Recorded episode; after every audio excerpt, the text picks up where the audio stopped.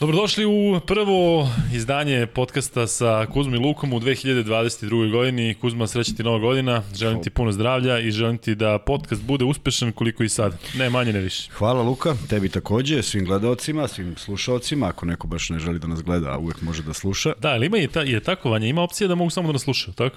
Pa i da, da nema, mogu da puste, ali da ne gledaju. Da. U svakom slučaju, uh, nova godina nadamo se svi bolja, ne znam baš koji je parametar da uzmem za tako nešto ili i da poverujem u to, ali prosto ajde da poželimo da bude bolje. Mada košarkaški gledano ova koja se završila, se završila prilično uh, loše generalno u smislu svega što se dešavalo u Euroligi a to će i tekako uticati na, na dalji razvoj i uopšte na početak nove godine. Kako ti izgleda nova godina kao nova godina, odnosno prošla godina, kako bi okarakterisao košarkaški? Ne mislim sada na samo završnicu i to što se dešavalo sve, ali generalno da uzmemo sad u obzir i sve što se dešavalo oko korone i te olimpijske igre koje su prošle bez Srbije, neko deluje da je onako bilo prilično... Znaš, par stvari je obeležilo godinu.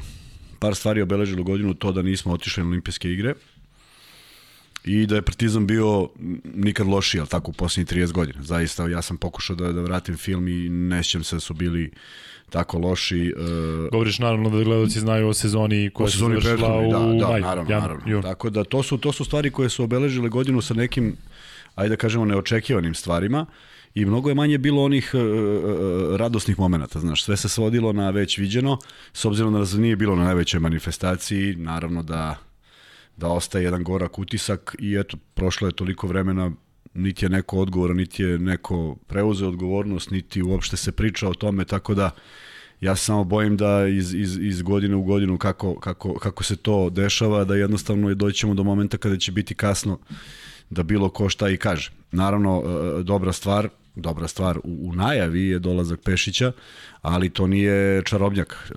To je čovjek od krvi mesa, trener koji raspolaže određenim igračima, koji mora da osmisli strategiju, taktiku u jednoj sezoni koja ako krene ovako kao što je krenulo opet će biti turbulentna.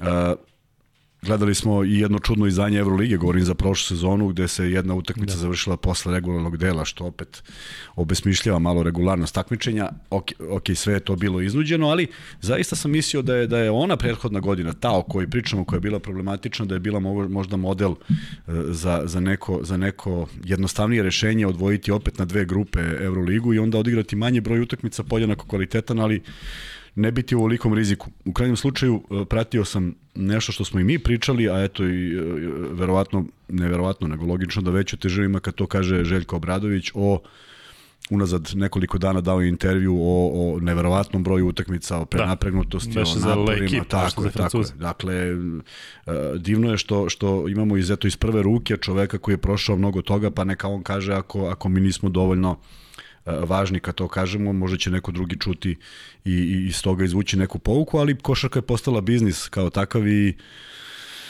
nekako mi ne delo da će se vratiti u one sportske okvire. Kad kažem sportske, da neko misli o tim igračima kojih e, malo, malo ima pa nema. E, ne postoji ekipa koja nije strpela Uh, veliki broj povreda koje ne postoji ekipa u kojoj jedan igrač za kojeg svi smatraju da je kvalitetan da može da izgura u takvom maniru celu sezonu, nego su to usponi, padovi, povredi, odsust, povrede, odsustva. Tako da, kako bih rekao, uh, ima mnogo košarke, a ne gledamo svaki put najkvalitetniji. E, znaš šta, meni se čini da će prošla godina i generalno ova sezona uopšte, e, kada se sve slegne, Iako sam rekao dosta puta da očekujem da Partizan i Zvezda učine ovu sezonu najzanimljivijom da. u poslednjih dugo.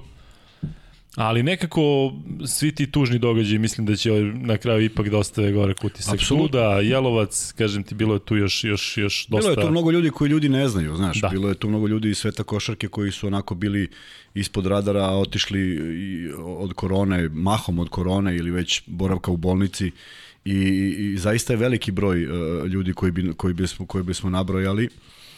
Uh, otišao je Mileta Lisica, je tako? Da, to uh, Da, pa tako da, znaš, to su, to su apsolutno ružne stvari koje nekako uh, Čak, čak kad, kada, kada premine neko i, i ko ima određeni broj godina kad je došao u tu fazu, toliko smo pod nekim utiskom smrti oko nas da, da, da žališ sve, žališ apsolutno za bilo kim, jer nekako, nekako samo slušaš a, loše vesti. I u tom svetlu, ovo što si rekao za košarku, bilo bi lepše da je bilo malo lepših vesti, malo lepših događaja, Uh, koji bi obeležili tu sezonu, tu godinu pa da pričamo i o tome. Ovako ostalo se svodilo se sve na domaću ligu, je tako i na neke individualne uspehe ljudi koje smo onda svi sa oduševljenjem dočekali i rekli da je to u stvari zasluga srpske košarke, što ne vidim nikako kao neku vezu između Jokićevog uspeha u NBA i, i srpske košarke kao takve. Kako ti se čini se ovo oko korone? U smislu da nešto smo, ja mislim, svi zajedno mislili da će to nekako da ode samo od sebe, da se neće vraćati, iako su mnogi upozoravali. Očigledno tu nema nikakve kontrole i da niko ne može ništa da predvidi, iako svi predviđaju.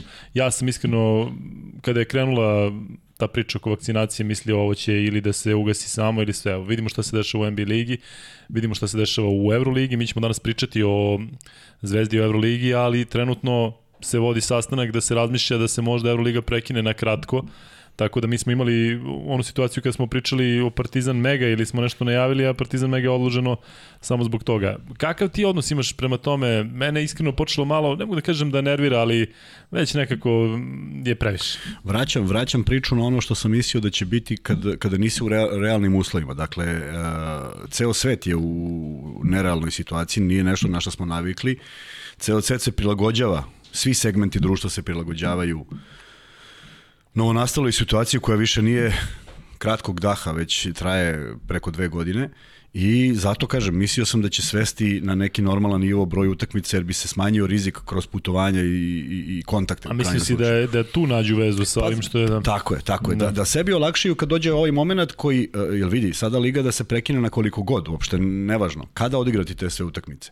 Ti ako pogledaš plan i program same lige regularnog dela je već prenatrpan Imaš toliko duplih nedelja da to nije normalno. Koliko treba da ih bude? Da, budu, da bude svaka dupla kako bih ti rekao, nije realno i nije dobro i nije nije ništa što bi što bi donelo kvalitet i da gledamo košarku koja je kvalitetnija. Ovako dve grupe su mogle da iz, izvuku maksimum iz ove sezone, ne bi se mnogo primetilo. Napravio bi se neka neka neki odnos snaga koji bi bio ekvivalentan na osnovu prošlogodišnjeg plasmana, nikakav problem, ne bi tu neko mnogo patio, ali bi se uh, igralo. Evrokup je kudi kamo uh, uh, takmičenje koje može i da dozvoli neku pauzu, al tako, zato što nije toliko prenatrpano zato što ima dve grupe. Zašto nisu to uradili, potpuno mi je nejasno iz prostog razloga što govorim samo o tome da ne moraju da se vrate u stari sistem takmičenja, nego da bukvalno naglase vraćamo se na stari sistem takmičenja dok ne vidimo kako ćemo s ovim. Evo, već je nekoliko utakmica otkazano. Ako ova nova godina počne, a imamo vesti da je Kalinić e, zaražen, da vidimo da li će još biti igrač, ako i Zvezda počne da otkazuje, to će sad da se zarotira da će svaki klub otkazati po jednu utakmicu. Gde ubaciti tu jednu da, utakmicu u kalendaru? Nemoguće. Fizički nemoguće. Tako da, uh, Uh, toliko, toliko uh, smo slušali o koroni, ja mislim da, da i pratim šta se dešava u drugim zemljama i šta ljudi, ljudi drugi pričaju, pošto imam kontakte sa mnogo ljudi iz inostranstva. Znaš, niko više ne veruje nikome. Niko nije došao sa nekom idejom koja da, zaista daje rešenje. Prosto niko nije, nijedan autoritet se nije pojavio i rekao to je tako i bit će ovako i moramo da uradimo to. Vidiš koliko su drugačije, koliko su drugačiji pristupi svemu, a ako hoćeš neko baš moje lično mišljenje, uh, nešto što mi je od uvek bilo čudno je bio taj PCR test koji postoji oko nas godinama, koristi se u veterini uglavnom i on je sad postao glavno merilo da li je neko pozitivan ili negativan. Ja verujem da je ogroman broj grešaka taj PCR test napravi, da postoji sigurno neka upala u organizmu koja uopšte nije uh, korona, sve se svodi pod isto, faktički ne postoji ni jedna druga bolest od koje ljudi umiru, da. sve je to nekako naopako, jer ne može, prosto logika, zdrava logika ne dozvoljava da tako misliš. I onda uh, imaš, imaš ljude koji, koji kažu uh, kako prestane testiranje, prestaće i korona, znaš, jer testiranje zaista pokazuje šta se dešava, ali koliko je ono merodavno, Evo uzmemo na primjer Izrael, ne neke neku sumnjivu zemlju, sumnjivih e, ideja, ljudi, jel tako? Vakcinisali su skoro celu populaciju, najveći broj zaraženih dolazi od njih.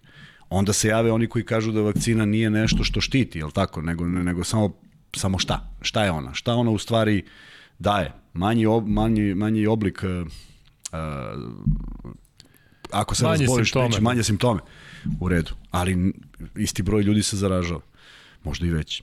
Nije ni važno. Ajde ne pričamo sad o tome, meni da se vratimo na košarku zato što a, a, a, a, Da, ovo je tema o kojoj možemo da pričamo tako, koliko ma, i da ne ma, ne, možemo da pričamo da, možemo, ne, 3 sata možemo da pričamo i da I samo da ne zaključimo ništa. Tako da ono što ono što je problem, a, a, a, sad pazi, koliko ovo glupo zvuči, ako je samo Kalinić, onda Zvezda ne može da otkaže utakmicu, a samo Kalinić čini ozbiljan procenat bitnosti da. i kvaliteta tima Zvezde, tako da Uh, vidjet ćemo kako će izgledati. Željkuješ da ih je još više zaraženo. Pa, pa znaš kako, javiti se želja, ajde ako je on da još neko, Tako pa da je. može se otkaže, ali ne. kako bi ti rekao, ne bi želeo da je bilo ko bolestan na bilo koji način. Uh, ono, što se, ono što se opet pokazalo kao, kao kao postojanje onih sportskih motiva je utakmica Split Zvezda, gde je Split taj koji sa posljednje pozicije želi da sruši jednog od najkvalitetnijih timova i ove sezone i vidio si koja je to muka bila.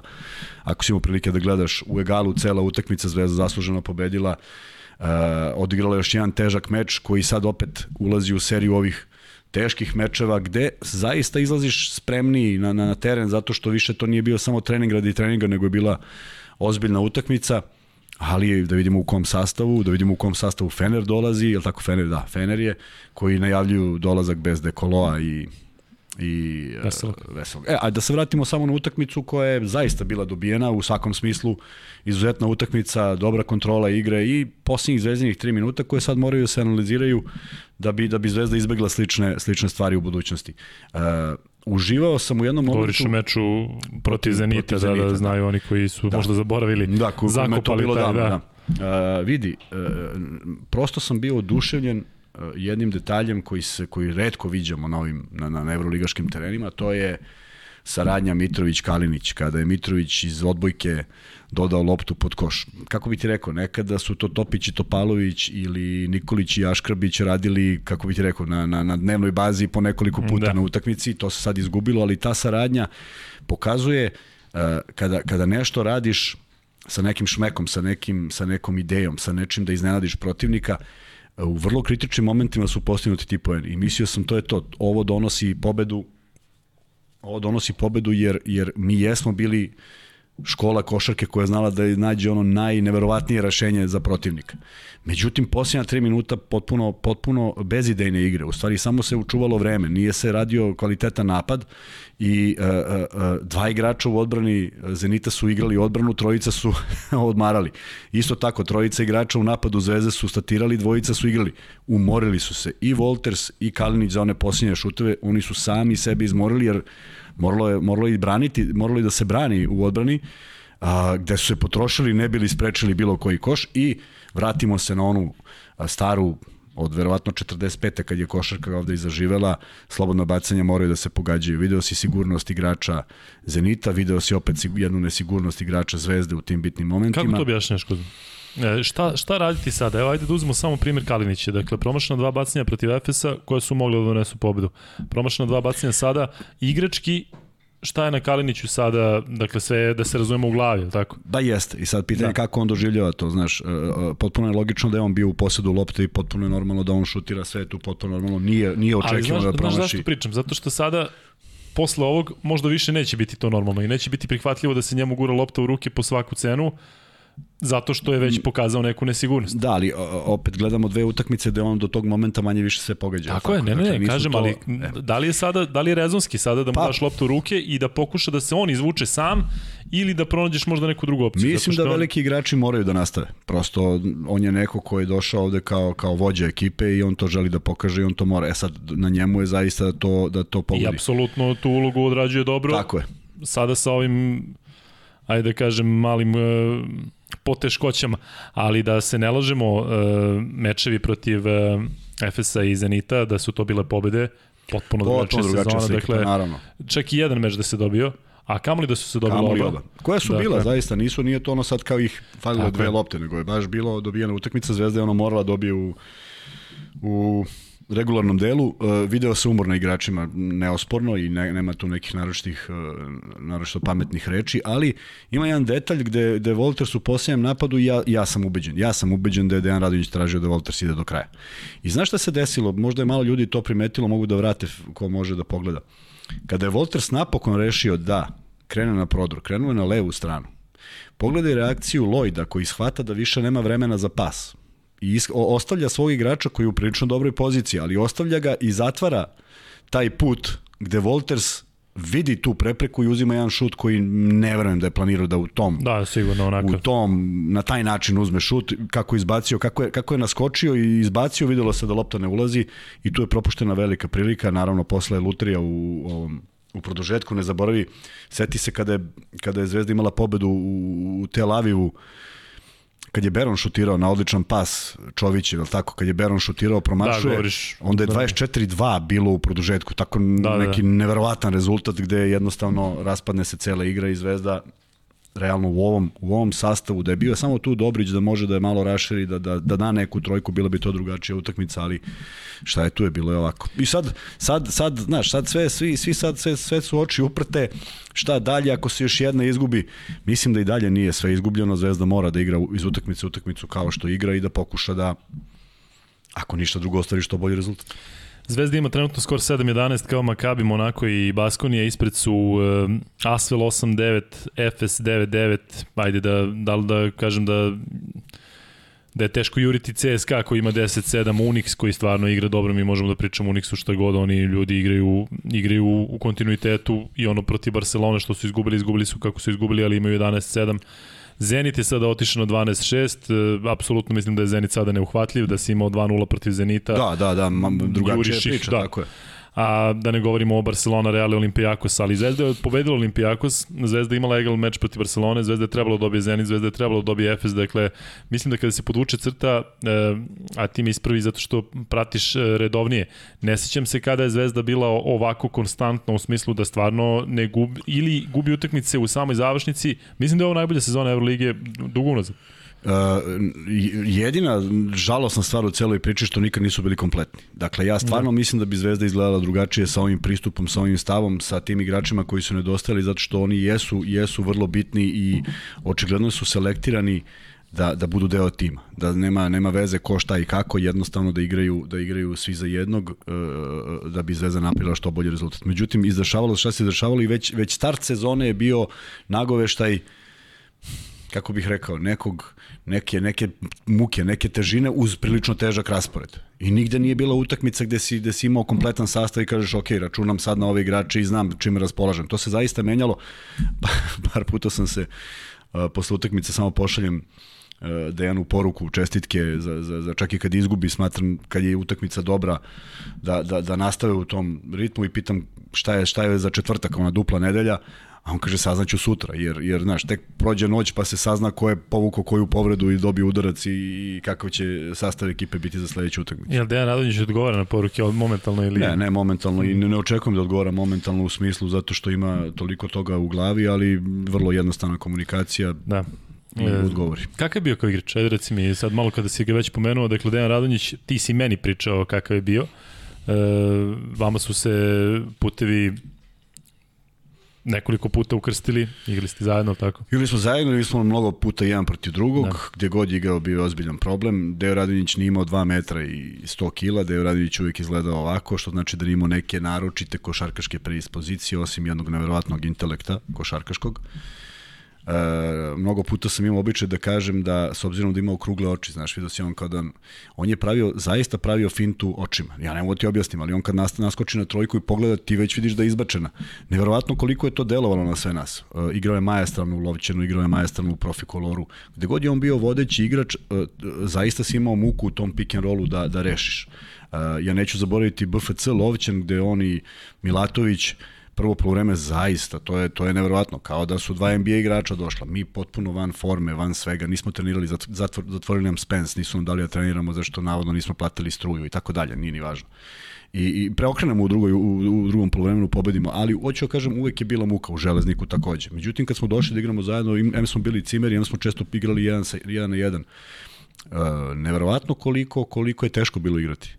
Znaš, koliko god da si brži, koliko god da si skočni, koliko god imaš neke te... On se ničim nije konkretno izdvaja, da sad kažeš on je bio šuter kakvog nema. Ili je nije bio... nema, ali je bio ozbiljno dobar šuter. Da, ali da. je generalno on us, nigde nije imao ni neki minus, da kažeš sada negde ne. on tanak pa sada leva strana ili ne vidi e, pas. Čitao, ili... on je čitao odbranu, znači da. nije on mogao da čuva brži igrač od sebe, ali nevjerovatno, on je, on je u jedan na jedan kad igramo, kad nema niko da pomogne, on je uvek negde tu, uvek ti smeta, uvek se dobro postavi. Dakle, koristio je sve ono što, što je naučio, to, to volim često da kažem, brži igrači mogu da naprave sebi, dozvole sebi lufta jedan korak u, u suprotnom pravcu. Deo Radonjić je našao tri koraka koje vode od tačke A do tačke B i savršeno koristio.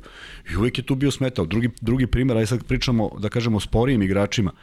A, a, Oliver Popović, nije se nikad isticao brzinom, ali prosto ta njegova kretnja, koliko god da ga obiđeš, on je negde tu, tu ti je na ruci. Dakle, igra, igrači koji su jako dobro koristili svoje telo, a da nisu imali tu neku fizičku prednost. Tako da deo je karijere u, u suštini izuzetno dobra, naročito ovaj, trenerska, zato što je on negde uvek i posmatrao i uvek bio desna ruka svojih trenera, naročito u ekipama koje sam spomenuo. Kad smo se skupili u budućnosti, znaš, to je bilo malo teže reći ko tu sad treba da vodi glavnu reč. Ipak smo imali Tomaševića i Topića kao dva reprezentativca na, na, na, beku, na bekovskoj poziciji e, Šćepanović, Brkić, znaš, e, playmakeri su bili e, Radonjić i, i, i Gašo Pavić. Ipak je on tu bio playmaker broj 1, ali nije bio igrač od kojeg je da. zavisila igra, što je i razumljivo. Nekako smo svi bili šrafovi da bismo što bolje igrali. I igrali smo zaista izuzetnu košarku. E, da se vratimo na Zvezdu i na Split, samo da prebacimo te meč, jako bitna pobeda, zato što Zvezda znamo kako je pobedila Borac, kako je dobila i ona još jedan meč u, u ABA ligi, ne znam protiv koga su isto nešto 30 razlike su odigrali rutinski i tako su se oporavili, ali e, ono što smo pričali dosta puta za Split je utakmica protiv Zvezde, utakmica sezona. Tako je, i oni će odigrati najbolje što tako mogu. Je. Zvezda opet u jako lošem procentu šuta za tri, to je jedina mana na celoj utakmici, čak i, i penali su bili dobri.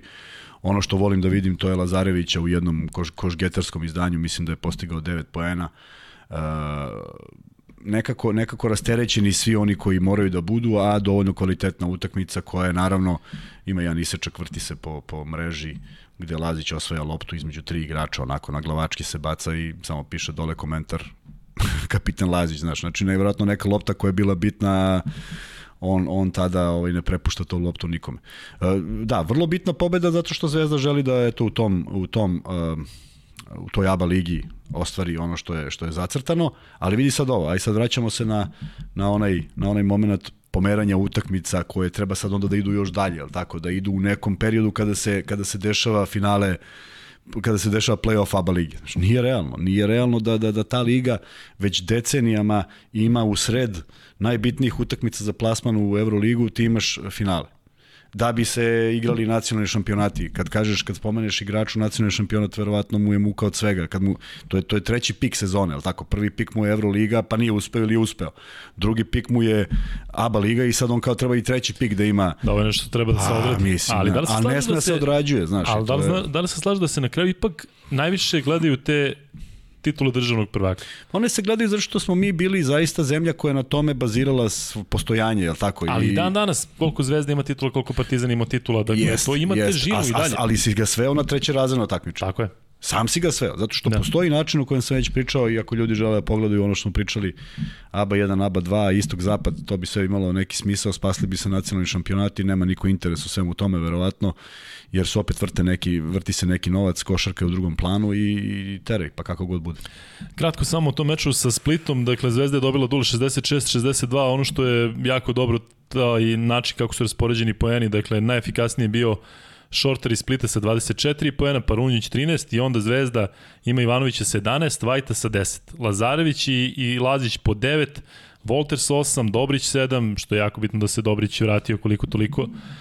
Ajde odmah da pređemo na taj meč koji se igra protiv Fenerbahča u četvrtak od 19 časova, to je meč koji otvara narodno kolo Euroligije. Fener, dakle, bez dvojice sigurno najbitnijih igrača, dakle, često se govori o tome da je to ta trojka Dekolo, Veseli i Gudurić, ali ipak su Dekolo i Veseli pravi lideri tog tima, već toliko godina među najboljim igračima u Euroligi.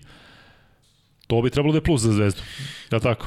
Jeste, ali, jeste ima veliko ali. Jeste samo s jednog aspekta, znaš, svi pomisle nema njih dvojice, bit će lakše, ali tamo čeka neko svoju šansu na Tako klupi. je. Tamo je neko rezerva veselom. tamo je neko Da. rezerva I dekolov. nije bilo ko, ipak je to Nije Fenerbahče. bilo dakle. ko, želi da pokaže da on može da bude lider, iskorišće svaku priliku da bude, da, da bude što bolji, to može uvek da bude i utakmica sezone, tako da treba biti oprezan i uh, uh, treba Zvezda da vodi računa, ne da vodi računa, treba Zvezda ići u najboljem sastavu, sad vidjet ćemo koji će to sastav biti i nekako, znaš, ima samo tri dana, deluje kao da ima toliko vesti, neke čekamo da imamo šta će da se desi u svemu tome, da vrlo lako može se desiti da bude i otkazano, je li tako? Prema tome, Da, zamisli- ne samo to, mi dok pričamo, rekli smo Euroliga razmišlja, Razmišlja da o tome. otkazuje sve, a i sam meč, ako Euroliga nastavi, još uvek se Upravo ne zna to. da li će danas biti nekih pozitivnih upravo testova, to, tako da to mi ćemo tek pričamo o nečemu saznati, da. tako je.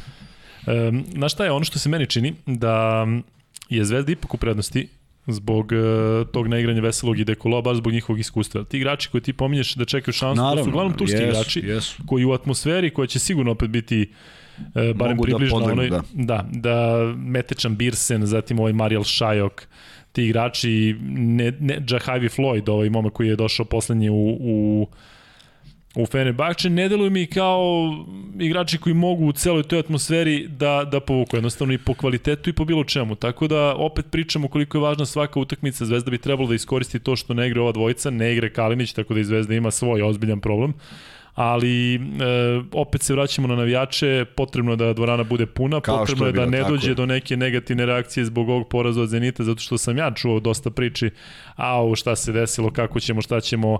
Vidim da je malo, malo je e, pala ta energija, što je i očekivano, ali to ne sme da se odrazi da, da, da podrška bude manja. Naravno, pogotovo što dolazi jedna ekipa koja je tradicionalno ovde dočekivana onako uh, u, u jednom velikom naboju, u jednoj želji da se da se triumfuje, u ostalom jedna od najboljih pobeda i jeste ona blokada Kuzmića nad Judom, uh, eksplozija u, u, u areni.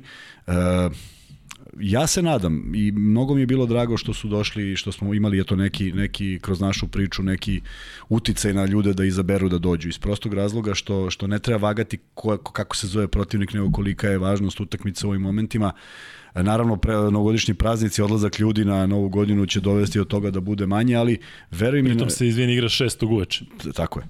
I to je još jedna dodatna okolnost. I, ali vidi, u onom momentu kada se polako punila hala, već si bio tamo, dakle nekih 35 minuta pred početak utakmice, već je bila na pozdravljanju jedna fantastična atmosfera. Dakle, Možda bolje nego ikad. Meni se čini da, Da, nije da, tako bilo bilo, ni protiv. Barcelona, ni protiv izuzetno, zato što je vidim jest. pola sata, a kažem ti već samo oni ćoškovi prazni. tako je. I onda se napomenulo do kraja. Da, i tako mora da bude i sad. Tako je, da. I nadamo se, ali kažem, novogodišnji su praznici, pitanje je koliko ljudi. E, Samo ne bi želeo da ne dolaze i da razmišljaju, e sad više nema šanse. Šansa postoji dok god ne bude bilo matematički nemoguće, do tada postoji šansa.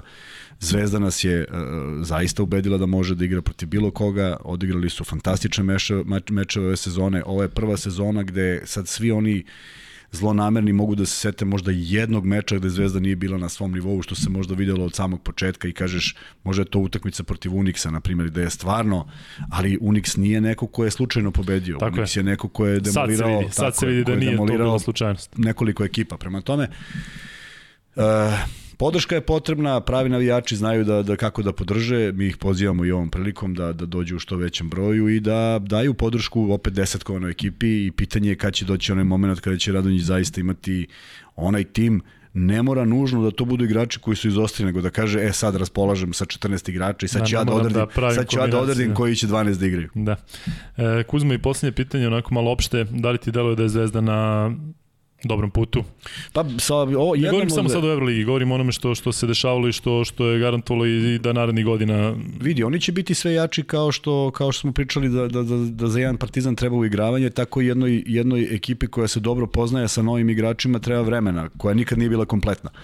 Sve su to slične stvari, jel tako? I oni rastu iz utakmice u utakmicu i mislim da će jedni i drugi dočekati kraj sezone u daleko boljem izdanju da ćemo gledati dobru košarku. Uh, ono, ono, što, ono što ljudi moraju da shvate, to je činjenica da od pre nekoliko sezona više ekipa ispada iz play-offa nego što ulazi u play-off. Dakle, nije Zvezda neko ko ko, ko upada u grupu manjih, manjeg broja klubova, nego će 10 klubova visiti kada se završi regularni deo, je tako? Ozbiljan je to napor, ozbiljno je to uh, takmičenje koje iziskuje možda više od onoga što mogu da ponude pojedini klubovi. Ne zaboravimo da pojedine ekipe imaju 16, 18, 20 igrača u sastavu. Zvezda to ne može sebi da priušti iz prostog razloga što to treba budu igrači koji mogu da igraju, ne da postoje na terenu, je tako? Ovde su nekako drugačije financije, sve, sve za nijansu, za nijansu, možda i za nekoliko nijansi u prednosti što se evropskih klubova tiče, ali ono što Zvezda donosi i što je evidentno da donosi, donosi jednu fantastičnu energiju, uh, i donosi jednu borbenost koju možda mogu da pokažu eventualno još grčki timovi u nekom sličnom izdanju u smislu e, e, grčki timovi kad imaju mnogo Grka to je bilo vrlo nešto slično. Litvanski timovi kada su sastavljeni vidiš ti Žalgiris koji je bio onako baš u jednom užasnoj užasnoj seriji utakmica kako da, se polako vraća jer to su igrači koji imaju svoj ponos i žele da predstavljaju Da, to je samo bilo pitanje trenutka kada će oni da krenu. Moraju da krenu, ne da, očekuje ne se da će da, da uđu u plej-off, ali nije moglo ali oni imaju pitanje ponosa, znaš, jer njima je njima je, njima je košarka nacionalni sport, nacionalni ponos, oni ne žele, naročito se to vidi kod domaćih igrača, da, da ljudi ne misle da, da, da, da, da, da ja ni podaštavam učinak bilo koga ko dođe sa strane, samo govorim da postoji definitivno drugačiji pristup i to je sasvim logično, je tako? Znači, nije nešto što sam izmislio ili nešto što mogu da pitati bilo kog igrača kako doživljava, kako Lazić doživljava klub u kojem je ponikao, pa ne može da ga doživi isto kao i igrač koji je došao ove sezone, mislim. E, a imam sad ja nešto, da, ček, sad, kad smo već bili na ovoj temi, znaš, malo si krenuo sa Radonjićem i setio sam se te budućnosti, Ima puno ljudi koji su se javljali i pisali mi i naravno žele da pričamo o Juba Winston ligi, znaš, i mi ćemo to sigurno da uradimo, da, to da, smo rekli prošlu utakmicu, ali Kuzma ima iznenađenje za vas kao jebič. Donao sam zaista neke raritetne stvari, jedan preistorijski, sad ko je, koliko je ovo godina prošlo, čekaj, moram da, da izračunam. Da vidim šta je, ne znam. Pa ovo je dres BFC Beočina, znaš. Imali smo jedan, nismo... nismo. E, reci mi, ovaj kafić... E, to je kafić koji je bio sponsor, to je naš drug koji je želeo da nam pomogne i faktički ovaj, sponzorisao klub. Mi smo se ukupljali mi smo se ukupljali u tom kafiću čim izađemo iz Pensa i uh, kad smo dobili čempionovu opremu, bili smo, znaš kako, osjećali smo se onako posebno, dobili smo jedan plavi i jedan beli. A to postoji još, uh, još taj kafić? Taj Rene postoji ne u istom vlasništvu, ali Aha. postoji dan danas. Uh, tada je imao nekih 4 kvadratnih metara, sad je to ipak kafić sa baštom i sa velikim, ali bilo je zadovoljstvo. I svi ste se okupljali u Svi, svi, svi, da, da. I tu se znalo. Nije bilo korone tada. Ma kakvi, da, ma nije bilo ničega, sve je moglo. Onda, kad smo već kod Ljuba Winston lige, možda za neki omraženi dres, ali ja sam ga s ponosom nosio, išli moji Vidiš, Vidiš, da, a pritom ni ova firma više ne postoji ne kao postoji, tako, mnogo da. toga, pa da. Ali, ovaj, kažem ti, sa velikim zadovoljstvom sam ga nosio i pravili smo zaista dobre rezultate u istoj toj ligi. A što nema prezime pozadnje? Nisu Ima, kako nema? A nema? Ne. Nisi tuđ, tuđi dres uzao? Pa neko nosio 12, pa ajde da uzmem. Onda jedan, koji mi je ostao jedan jedini, original, iz šampionske titule. Isto To je taj jedan Ljubav jedini, Winston, tako? Taj jedan da, da. jedini, da. Od kada do kada je Ljubav Winston Liga bila? Da e, ne mogu, ni, nisam. ja, nisam, ja da, kažem da. ti iz glave. Meni je kao ceo život da sam igrao u njoj, ali nije baš. Ja mislim ne, da je 95. četvrta, peta, 95.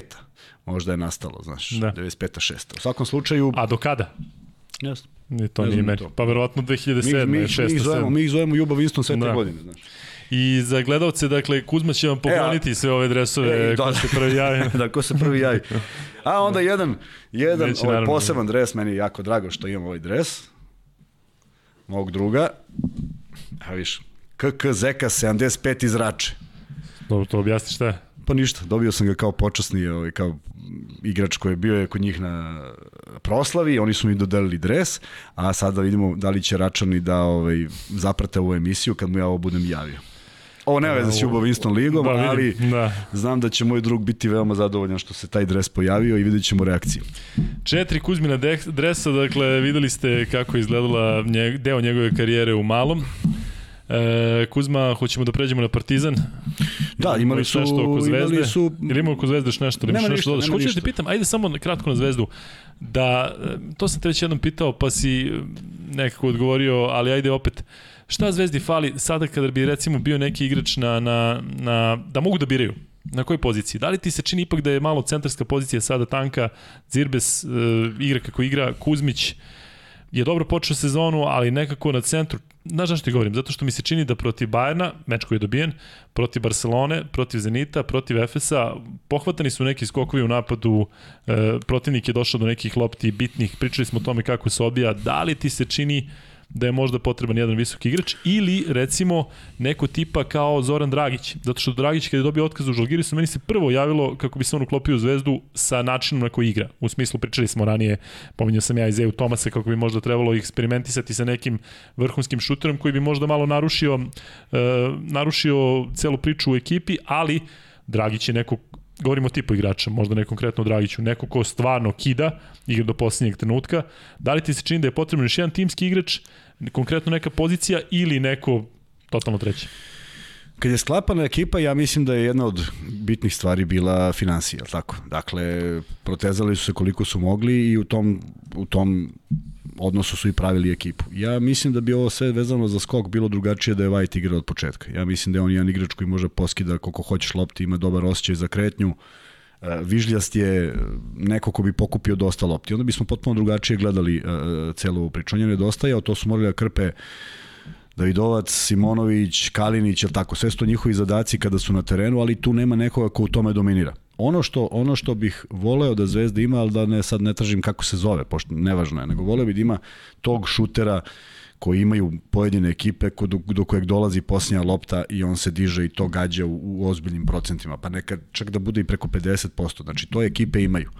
Ne mora čak i mnogo da radi neke druge stvari, koliko da. bi bilo dobro da u određenim momentima on bude taj koji treba da, da se samo oslobodi da šutne i da šutne sa velikim samopouzdanjem. Ali izvini, nema ih mnogo u Euroligi. Kada ti sada pomisliš, ima ekip, ekipe imaju otprilike jednog takvog, ali tipa kao Beron, gde ti znaš. Pa padne mi onaj Kena na pamet, stvarno čovjek kad god Jest. poželi onda koš, znaš. Da. E, nema ih možda mnogo, ali kažem ti šta Zvezdi nedostaje. Ja, ja, ja sam zaista mislio da će Dobrić biti taj posle prošlogodišnje sezone jednog velikog preokreta u njegovoj karijeri od, od, od izmene za svaki promašaj do čoveka koji šutira 0-4 pa 4-4. Ali on je krenuo sezonu povređen. Znaš, sad govorimo sve o nekim stvarima. Da su ti igrači bili zdravi, sigurno da bi Zvezdin skor izgledao drugačije, onda mi ne bismo možda pričali šta nedostaje. Da li nedostaje neko 2.15 ko bi plašio u reketu, vrlo verovatno da da. Ali, ali prosto na tržištu mora da se nađe, mora neko ko se uklapa. Ispostavilo se da ovo sa Cirbesom nije uopšte bila loša, loša zamisla, tako? Mislim da je Cirbes i Zvezda naši zajednički jezik oko novca, oko svega, on je igrao nekog backupa. Njegova sezona sa Bobanom Marjanovićem kad je bio backup je bila da, izuzetna, je tako? A, nije ni Cirbes na onom nivou, ali je odrađivao dobro posao. Sada, zameniti ga tek tako za nešto mi ne ide ovako u glavu, jer ipak je on igrač koji je ovde posvećen i ekipi i odradit će sav prljav posao koji je potrebno. Tako da Zvezdi samo nedostaje malo bolji procenat šuta za tri a, a, a, u odnosu kakav tim na papiru ima to što oni nisu bili zajedno, to je viša sila i verujem da se vi, a najviše stručni štab želi da se što pre okupe i da napokon jednu utakmicu odigraju onako u maniru ekipe koja, koja ima odvojeno, odlučeno da dva igrača ne igraju, ali ne da bude stice okolnosti. E, na šta mislim da je dobra stvar za Zvezdu generalno na, na evroligaškom nebu, što se kod njih non stop vraćaju igrači. Ti kada pogledaš Cirbes, Wolters, Kalinić, Dakle, to su igrači koji se vraćaju u tim. Sećaš se da je jedno vreme bilo da su igrači bežali iz, sada govorimo u, godinama unazad, da je bilo i sa nekim kašnjem plata i da, da su jednostavno nikom nije palo na pamet da se vrati, već su se i, i, i razilazili na prilično, ne, prilično neprijatan način. Sada tu naravno postoji taj faktor navijača, ali i ta neka stabilnost u smislu da znaš već dolaziš na svoje, znaš šta te čeka, znaš da si siguran i bio si negde, video si da nije tako dobro i hoćeš da se vratiš. Možda bi tu mogao da se nađe neko od bivših igrača, kažem ti ja sad govorim na pamet, ne govorim ni, ni nekoga... Znaš, znaš gde bi ja znaš, gađao, gde bi ja gađao i gde sam, gde sam par puta, ja sad ne znam u kom društvu, ali kako bih ja, sad nije baš mnogo ovaj, možda važno, ali znaš, postoji, postoji ta letnja liga u Americi, je tako? I Dobre. prati veliki broj skauta. I postoji neki draft i postoje neki do 60 ide, tako? Do 60. I sad postoji nekih 60. 61. do 65. mesta su igrači koji nemaju pojma u tom trenutku šta će sa sobom, je tako? A ne verujem da su loši od 50. do 60. ili od 35. do 60. Ne verujem da su baš mnogo loši. Zaista probrati tu tri pozicije. Misliš mladih igrača. Neizabra, neizabra. Tako je, tako je. Mlada tri igrača koji su željni uspeha. Jedan će da upali, jedan će da bude neko otkrovenje, jedan će da bude neko ko će, ko će biti gladan, jedan će biti taj igrač kojem ćeš reći, ej, vredićeš jednog dana milion, ali sad igraš za 5000 mesečno. On će reći super, jer ja imam nula. Nemam, nemam ni, ni pet. Da li me razumeš? Da se prođe, jer uh, uh, postojali su igrači koji su dovođeni, uh, Holden je došao u Belgiju. Da, da. Holden je došao u Belgiju, nije došao u veliku... Sa Baknela univerziteta, pa, da, da. Nije došao. Uh, McKeleb igrao na univerzitetu 2, je li tako? Da, da. Dakle, to su igrači Mnogo koji su pronašli njih, da. se. Pa to kažem, daj ta četiri da vidiš koji su to igrači, pratiti, pratiti do, do, do, do, do, do najsitnijih detalja i reći dolaziš ovamo, koliko toliko pristaće zato što mu je to život. Njemu ako ne bude u onih 60 i neki, čak ne znam koliko ima garantovanih ugovora, ali sigurno da mu nije izvesno kao ovo. Ovde može da bude veća izvesnost, jedna druga, jedno drugo iskustvo i da se nađe čovek koji će biti zaista nešto neverovatno. Znaš šta, pričao sam jednom uh, sa nekim ko je vodio klub tada, jedan od ova dva, baš o tome gde su ti igrači koji su ispod radara i nisu oni čak ni toliko nepoznati, zato što ti na Wikipediji kada imaš o draftu, ti imaš prvi, prva runda 30 pozicija, druga runda 30 pozicija i onda imaš dole poznati igrači koji nisu izabrani, koji su stvarno malo je falilo. Tako je. Međutim, rečeno mi je tada, citiram, nemamo uh, ne smemo da eksperimentišemo zato što je to pravi eksperiment. On dolazi sa, uglavnom dolazi sa koleđa gde se igra 30 sekundi. Dakle, njemu je potreban period adaptacije na sve. Na vreme, na ćevape, na navijače, na sve. I kaže, malo je njih koji mogu sve to da, da, da prođu u nekom periodu da, ti, da te ne vrati unazad da dva meseca treba da ga čekaš. Ti se sećaš recimo ovog Emanuela Terija koji je bio u Zvezdi možda mesec ili dva, koji stvarno skače, koji je delovao da će biti ne znam šta, koji je američki reprezentativac, a koji ništa nije pokazao. Mislim da su, da su se dosta puta opekli tako sa tim nekim eksperimentima i da im je lakša ta varijanta da se neko dokaže u nekoj Belgiji, u nekoj Finskoj, u nekoj ligi i onda da oni ga povuku kada već pokažu Evropi da može da uradi nešto i pritom se navikne, zato što e, koliko puta su pričali, oni dođu na trening, ljudi stvarno ne znaju pravila, on treba da se navikne na 24 sekundi, da spusti odmah loptu na parket. Za njega je to mnogo informacija, oni dalje na koleđu šutiraju jedan za jedan. Sve to stoji, ali ovih prvih 60 sa drafta koji će naći timove će se suočiti sa istom stvari i zato Evropljani bolje prolaze u NBA, jel tako? Da. Dakle, tu jeste veliki, veliki, uh, velika razlika između jednog i drugog sporta faktički. Oni igraju dva različita sporta, NBA i NCAA. I zato, je, zato i jesu evropski igrači popularni zato što su već Tako prilagođeni svemu tome. Sve to stoji. Ali kažem, može da postoji uvek jedan koji će, koji će uraditi to da. u nekoj proveri snaga. Naročito neko, nešto deficitarno, naročito neki visok igrač, naročito neki skočan igrač koji možda treba da bude zadatak da zatvori reke, da ne traži, da ne pravi neku, neko svetsko čudo, nego da bude jednostavno Korist. neko, tako je, neko ko da. će da plaši u reketu. E, to je nedostajalo, to je nedostajalo mnogim ekipama i tačno neko ko ima tog, tog velikog igrača ispod koša koji ipak tera mnogo drugačije izgleda kada probijaš. Što se tiče Partizana, mi možemo da se, da se bavimo uh, Dakle, onim što je bilo protiv Kubanja, to smo prošli. Eurocup prošli smo, oni su imali pauzu i e, dobro će im doći u smislu igravanja, zato što je došao novi igrač.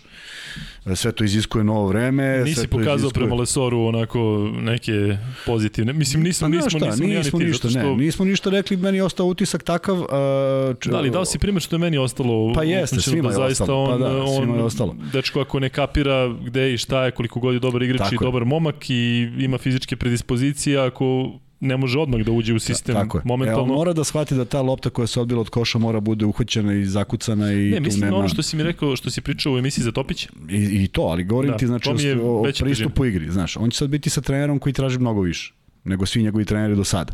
Da li će se on snaći, ne znam. Ono što on donosi, donosi apsolutno jednu čustinu u reketu. Tako je. Ali nije što je Partizanu u stvari po, potrebno, potrebno zato ali i dovede. nije čustina u reketu nešto što možda radiš tek tako, je tako? Da, da, da. da, da juriš levo desno, znači mora po nekim pravilima. Uh, svi igrači koji napuste neki klub u polusezoni, uvek mi je bilo čudno zašto su ga napustili, je tako? Znači uvek postoji neki razlog šta nije valjalo. Naravno ima ono da nije valjao trener ga nije poštovao ili bilo šta, ali ima i neki stvari da možda su digli ruke, al tako. To je sad mač sa dve oštrice, kao što uvek jeste u, kada dovodiš u polusezoni nekoga. Uh, celu moju karijeru nikad niko nije došao u polusezoni, prosto nije bilo uopšte takvih pravila čekao si da ti se igrač podigne u formi i moliš Boga da bude pravi kad treba. Tako? Što pre da bude. Pa da, tako da sve to što se dešavalo malo je, mnogo je više onih loših momenata nego pravih momenata. Možemo da vratimo i kroz Zvezdu i Partizan igrače koji su počeli sa ekipom i igrače koji su došli, koliko je bilo drugačije.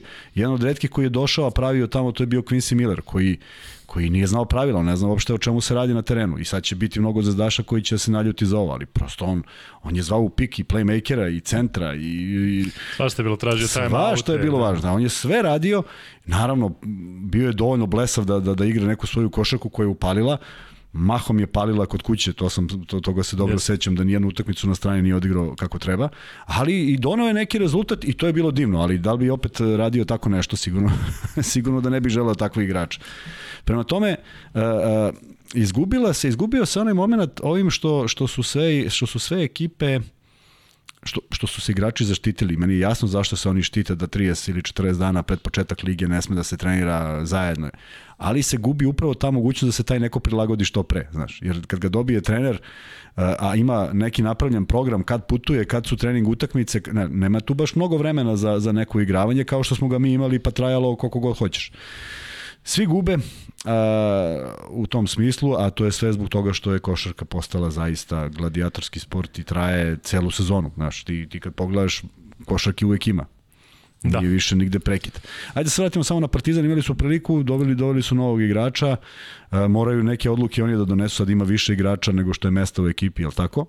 Najave su neke bile ovakve ili onakve, vidjet ćemo kako će reagovati stručni štab pred ovaj drugi deo sezone. Uh, u dobroj su formi bili, par utakmica koje su izgubili nije ništa neočekivano što su izgubili. Uh, par utakmica je bila muka za pobedom, ali se pobedilo i vidi, postoji jedan kvalitet kada, koji će svaki trener da ti kaže, e, slušali, igrali smo očajno, ali smo pobedili. To govori da, da smo na dobrom putu, je tako?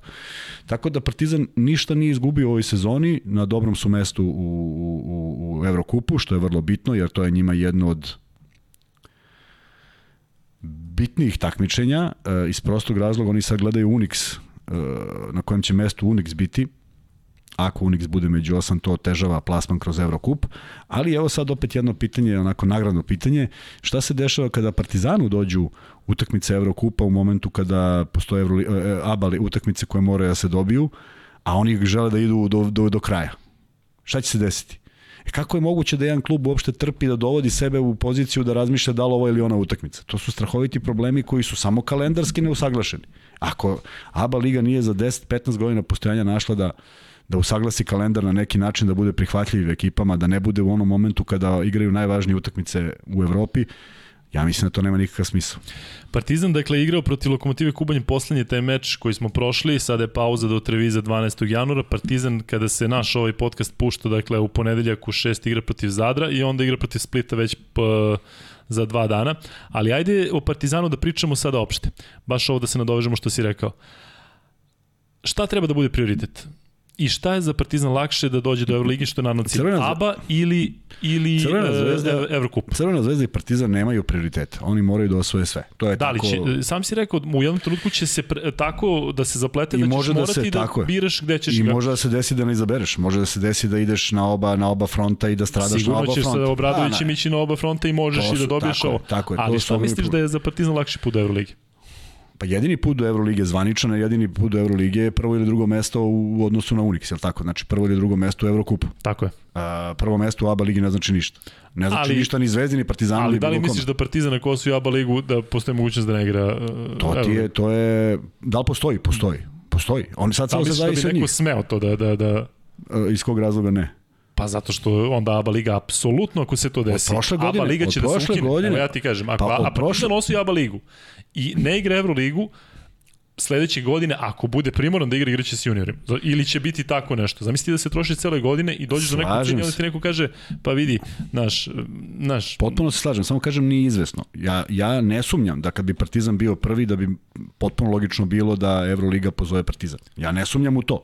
Govorim samo da ne postoji pravilo koje, koje de, decidirano kaže ko ide. Tako je, ne, ne, slažemo se, ali to. ti Željka Obradović je da su ja ne, i da ne pozoveš. Ja ne, pa to bi ja bilo ti kažem, pa, nemoguće. Možda absolutno. treba da navijamo za to, u smislu onda bi verovatno Partizan rekao čekaj Buraziru, pa daj, braću Buraziru, da, ovaj, da se vratimo mi malo unazad, pa ajde stvarno da igramo ovaj KLS, zašto bi se trošio ovde cele godine, daj da gruvamo se u taj Eurocup. Puta. Mislim da bi bilo kristalnije, čistije, šta i kako. Pa ABA Liga jeste nepoznanica decenijama, gledaj, tri predstavnika su išla, pa dva, pa jedan, pa ni jedan. Znaš, nije to zato što je Euroliga ljuta nego zašto nisu uspostavili neki sistem takmičenja koji je kako treba. Vidi, svaki put, na svaka, u svake sezone se desilo nešto. Ili je proširena liga za dva ili je uvedena ekipa, bugarska ekipa koja se raspala pred početak pa imaš nelegitimno, neregularno da. takmičenje bez jedne ekipe. Dakle, a sve to Evroliga prati. To je ono kad je bila i tuča ona Partizan Leskino, bila mučna pa sezona. Da, pa njima ne, treba, njima ne treba ne partner, njima treba je liga koja je partner i koja prati te postulate koje oni postavljaju. A kako ti se činilo to sa Makabijom Olimpijakosom da dovedu nekoga ko fizički uopšte nije ABA i da... Ma isto, da, da, ma sve je to bilo neki marketing, ma čemu je to služilo? Pa kažem, besmisleno. Pa, tako. besmisleno. Zato ka, ali vidi, kad neko tako luta i kad pravi nešto ad hoc, Pa to nije sistem koji, znaš, zašto će Nemci imati jednog dana pet predstavnika u, u, Abal, u, ovoj, u Euroligi? Pa zato što rade po nekim sistemima i sve je transparentno i sve se prati i sve ima da. smisla i dižu se centri i pomaže se i futbal ulazi i ovo ima to, oni gledaju to kroz novac. Zašto, Bayern, zašto je Bayern tu gde jeste? Pa između ostalog što je Bayern iza njega. Vrlo prosto. Bilo bi divno da je, da je Zvezda, futbolski klub, u direktnoj sprezi sa, sa, sa košarkaškim klubom, baš podrška na ovaj način, kao da ima možda bi bilo drugačije, ili Partizan sa Partizanom. Možda bi to imalo neku težinu. Ovako, ovo, su, ovo je ozbiljan novac koji donosi futbalski klub i Realu, i Barceloni, i, i, i, i Bayernu, svim velikanima koji su vezani za futbolski klub. To je sad stvar strategije. Ono što je bitno, što Euroliga može da funkcioniše i ja verujem da Željko Obradović ima ozbiljan broj prijatelja među uh, ljudima koji bi to odlučivali i kad bi Partizan zaseo na prvo mesto i osvojio ABA ligu, da bi to bilo uh, potpuno čisto znači, i jasno. Mislim da nije bitno prijatelje, nego ti stvarno trebaš da... Pa imaš ljudi znaš, koji lobiraju, prosto, znaš, da, ka, da, kako bi ti rekao, da. neko mora da kaže zašto, na, jer, jer nema de facto, e, ide prvak, nego može i trećak. A znaš zašto sve ovo pričamo? Zato što mislim da apsolutno prema svim kriterijumima sa ovim novim Partizanom i Zvezdi i Partizan zaslužuju da, da igraju Euroligu i ja mislim da bi to pre svega bilo najbolje za Euroligu. Da A, ti dolaziš se... pune dvorane, da kažem ti igrači koji dolaze da, da budu onako ushićeni, dakle, ekipe vole da dolaze ovde, dakle, pravi košarkaški radnici, ti znaš kako je Skevičius, kako Mirotić, ne, kako dakle, ne. oni ljudi vole da, da igraju košarku u ovakvoj atmosferi. O, za, za da mnoge, da, da, e, ali to su ljudi koji su iz sporta. Onako. To su ljudi koji tako su iz sporta i oni tako vole tu atmosferu i vole da budu tu. I apsolutno, slažem se s tobom, to bi bio M, M, M, M, uh, zakopavanje nekih sekira, ratnih, M bi bio prosperitet uh, srpske košarke, gasi se onda neka Hrvatska i, i Slovenačka, što nije neka naša ovaj, obaveza, ali bi zaista bio prosperitet veliki. E sad, tu, da li je tu Bartomeu bio glavni e, kamen spoticanja, ne verujem. Ne verujem da je on bio jedan jedini koji je mogao donesti takvu odluku s obzirom na tamo bord ljudi. Na čemu mi baziramo naše pretpostavke? Baziramo ih na tome što smo košarci dali i šta smo dali, je tako? Koliko ima sporta u savremenoj Euroligi? Ne znam, ja ne znam ni ko je vodi, iskreno ti kažem u smislu ko su ti ljudi koji odlučuju, ali mislim da ih zanimaju, zanimaju neki brojevi pre svega ih zanimaju broji. Zvezda i Partizan čak i po brojevima što se tiče smeštajnih kapaci, ovaj, kapaciteta hale i svega ostalog. Ima nešto, ima jedno istraživanje uh, penetracija po navijaču u, u, u klubovima Euroligi. Da znaš da je Zvezda, pošto Partizan tad nije bio u Euroligi, ja sam to, tu informaciju dobio jer sam bio po nekom drugom poslu u, u sedištu Euroligije, 91%. Samo Panathinaikos valjda ima 92%. Hajde još jedan, 97%? Odnos navijač klub, dakle, Aha. dakle koliko si dopro u nekim komunikacijama, da, da, da. U, u Instagramima, u društvenim mrežama, kolike su reakcije broja navijača, u, u Nemačkoj 30. Nemci ne, ne dolaze na utakmicu da. iz istog razloga. Dakle, okay. potpuno su drugačiji motivi i sad, kad samo sve to posmatraš, kažeš, ovo je, ovo je, ovo je mesto na kojem treba da budu ekipe. Nažalost, ne gleda se tako. Ono što bih voleo da vidim, to je obe ekipe u Euroligi. Ono što mislim da zaslužujemo kao, kao košarkaška nacija je to, kao nacija koja svoju košarku ne vodi kako treba, a mislim da se mnogo ljudi slo, slaže sa ovim, kad kažem ljudi, mislim na bitne ljude i čak i na Željka Obradovića koji sigurno ima hiljadu zamerki na funkcionisanje nekih stvari u Srbiji. Jednostavno to je nepromenjivo zato što smo mi sami ruinirali neke stvari koje smo, koje smo u kojima smo bili predvodnici u, u, u kroz istoriju. I onda jednostavno naša košarka odudara od onoga što radi Zvezda i Partizan. To nije naša košarka. Mi imamo KLS ligu koja je, kako bih rekao, jedno takmičenje koje ne vodi nikuda. Što ne valja, ne valja, ni jedno takmičenje koje ne vodi nikuda ne može da ima mnogo smisla. Mi imamo super ligu u kojoj se nađu četiri jadranska ili pet jadranskih i četiri i tri ili četiri, uh, zavisi od sezone u kojoj je bilo, i uvek isti uđu. Da. Znaš, pa daj, ajde jedan napor, ajmo neko nešto da uradi. Nego sve je to nekako, kao da se igra pro forme, a pritom možda, je, možda i jeste lepo ovim igračima da odigraju sa Zvezdom, Partizanom, Megom, ili tako, ali ovima da igraju nove utakmice među sobom, pa i nije toliko baš zanimljivo, ili tako? Da, ali vidiš, e, šta bi bilo recimo, sad govorim zaista hipotetički, ali da, da su živi ti centri nekadašnji u Srbiji. Zamisli se sada ti da se u Čačak, do Čačak je dobar borac, ne možeš da pocenješ, ali recimo Kruševac, Leskovac, Novi Sad, ideš tamo i da nisi sigurno da ćeš da pobediš.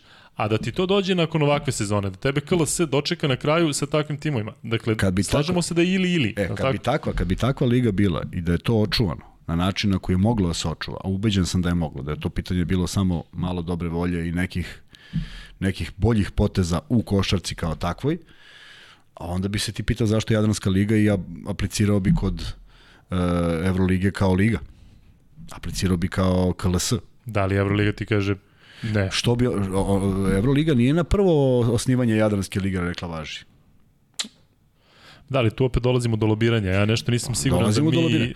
Dolazimo do lobiranja, jer vidi, kada uh, Jadranska liga je veći prosperitet dala hrvatskim i slovenačkim klubom. Tako je. I Pa o tome Misliš da je danas drugačije? Da, nije, da, pa. nije. Ali, ali srećna okolnost je što su prvaci uvek i Srbiji. Da. U 90% slučaja. Ili budućnost. Dakle, na, čak niko, niko dugo sa, sa, sa, sa zapada one bivše Jugoslavije. Prema tome, tu smo gde smo, da. nisu to bili dobri koraci, daleko je to da, da možemo da računamo da postoji takva klima, ja bih voleo da postoji, ja bih voleo da Željko Brodović iskoristi sav svoj autoritet i da proba da dođu do, do, do prvo kroz košarku, jer onda ako bi uspeli tako možda je bilo lakše i jedno i drugo, ali svakako čovjek koji ima veliki autoritet, koji ima mnogo prijatelja, koji može da povuče određene veze da se to u nekom periodu desi. Ono što najavljuje Euroliga je da od toga nema ništa u najavi u narednih par godina. Ali, kažem, otišao je Bartomeu 1. januara, tako sad odlazi i dolaze neki novi ljudi. Ali dalje on tu. Nešto, on jeste tu, on jeste tu. Samo ali, se više ne pita toliko. Tako je, ali da. gledaj sada, znači, očigledno da postoji, da, da će, čini mi se da će doći do priče sa FIBom gde možda on bio neko ko je bio apsolutno protiv toga. Jer, jer ovo, ovo sa prozorima... Da, deluje, deluje da, da, ovo sa prozorima ne donosi apsolutno ništa, ništa dobro i mora da se preseče i sad je tu neki nagoveštaj da sad ipak ovaj board sa drugim ljudima će pokušati malo da nađu zajednički jezik, a onda možda tu možda se otvori i ta priča još jednog mesta koje nije toliko izvesno zato što imaju neke svoje planove, ali nikad se ne zna. Zaborio sam Kraljevo kada sam pominjao one centre, ima ih mnogo da Kraljevo bi Kraljevo je nekada bio Subotica jedan od bio, Subotica ima strašnu dakle. ekipu, pa to, to su prva dva igrača koji su dolazili iz moje generacije, dolazili da gledaju skauti, Koturovića i Miškovića. Da. Dakle, oni su tada uz Benčića, uh, Aleksića, Đokića, pa to je bila to je bilo čudo od ekipe. Šabac, sećaš se Šabac. Šabac sa, sa Stepandićem na čelu, Grušanović, Karišik, Ilić, Negovanović, Đurić, mislim, stvarno si svuda imao, imao strahovite ekipe. Ja sam ti rekao, nam je bilo interesantno kad smo odrastali, kada su dozeti Dali Pagić Davorin ili tamo pa kada imaš 15 zakucavanja. Da, da, da, da, pa da. Sala, ona Naravno Davorin koji je, tako je tako bogom dano. Da, bile su to jako dobre vremena i uh, evo vraćam se sad, donosom taj dres budućnosti, naša prva sezona, Jadranko Nikolić, Loki, naš kondicioni trener, treba saopšti raspored priprema i sad idemo na Roglu, tamo se odigraju dve utakmice na nekom turniru, pa se ide ovamo, pa se ide onamo, pa onda ide spisak utakmica Evroliga, domaća, Evroliga, domaća, Evroliga, domaća i ti ovako sediš i slušaš sve ta, sva ta imena i shvataš da nekih 16 kola ti nemaš luft. Da. nemaš, e, tako ti se pogađa da ti dolaze dobre ekipe na tvoj teren, a gostuješ prilično neugodnim ekipama i u krajnjem slučaju uh, nas je zdravlje iz Leskovca izbacilo iz kupa. Sa žučem, ne igra žučem. sekundi. Ne sjećam se bio sam u šoku. Izbacilo u Čačku, svesi, na da. turniru u Čačku, a prva utakmica u nizu koja je budućnost posle 55 pobeda ostvarenih bila protiv Radničkog u Beogradu od jedne kadetske i kadetsko-juniorske ekipe. Mislim da je Dulo Jošević vodio tada radnički, ako se dobro sećam. U svakom slučaju, znaš, nepredvidive su te stvari i, i, ovaj, i, i a, centri koji su, koji su postojali, Isti onaj Millennium koji izjapi prazan. Mislim, to je već tužno samo po sebi. Pa naravno postoji. Pa ne, ali, da li se koristi za Pa ne verujem, ne verujem da, ne verujem da KK Vršac igra u, u njemu. Znaš, mislim, da. voleo bi da igra, ali mislim da je skupo. Da. Tako da imaš tako jednu salu koja, koja je najlepša za, za ono dovesti porodicu, jer je tako i koncipirana i, i takav je mentalitet ljudi koja ne služi ničem. Dobro, o Partizanu smo pričali manje zato što fizički, kažem još jednom, Partizan igra meč protiv Zadra kada ovaj podcast ide. Partizan igra protiv e, Lokomotive Kubanj, sada Davno, već pre davno. 15 Bili, prošle dana. godine. Partizan igra protiv Treviza, tako da ćemo pratiti to u sledećem podcastu, pa smo zato otišli malo šire. Sada ćemo preći na NBA ligu. Ej! E, bravo Kuzma. E, Chicago je trenutno najaktualnija ekipa u NBA ligi zbog neverovatna dva poteza DeRozana. Si vidio to ne? Ti negde izašao Demar DeRozan? Ne, nažalost. ali ti si podsjeti Chicago, reci mi kada si ti bio u na vrhuncu svoje karijere, Chicago je bio na vrhuncu svoje franšize. Da li ste tada imali taj neki odnos prema Chicagu kao ekipi ili ste ipak gledali ono što si mi ranije pričao, timove koji su više, koji nisu bili toliko, ajde kažem, eksponirani, podrazumeva se Jordan, Pippen, sve. Ja znam da ti si ranije voleo timove i te, te franšize Boston, Detroit, da je gledaš da se gruvaju odbrani i sve. Ali kakav je Chicago bio 90-ih i pričao si mi kako ste pratili kada, kada je krenula NBA liga, odnosno kada je došla ovde, da li je bio taj odnos? Da li ti kao, znači igraš sada profesionalnu košarku u Jugoslaviji tadašnjoj, BFC Partizan, pratiš li više nego danas NBA ligu i šta se dešava tamo? Kako ne, išli smo s treninga da pravo na one utakmice koje su igrale u popodnevnim, kod nas u popodnevnim Jel satima. u Rene pa smo- ovaj kafić nije? Ne, ne, ovo je bilo u Beogradu i samo skinemo, ma ne skinemo stvari, samo uletimo i palimo ekran. Ovaj, tada smo posmatrali samo Jordana, tada, tada smo gledali samo šta je jedan čovjek u stanju da uradi. Međutim, kako I smo... nije, niko drugi nije. Međutim, igrao. kako smo, sazre, kako smo sazrevali mi, znaš, ovo ti sad govorimo o juniorskim danima, sad ulazimo u prvi tim, malo upoznaješ starije saigrače, ozbiljne igrače tog OKK Beograda, znaš, možemo i da se setimo da to bila prva B liga, ali to je bila jedna izuzetno teška i kvalitetna prva B liga, gde onda ulaziš pa vidiš neku svoju ulogu i onda počinješ da posmatraš košarku drugačije.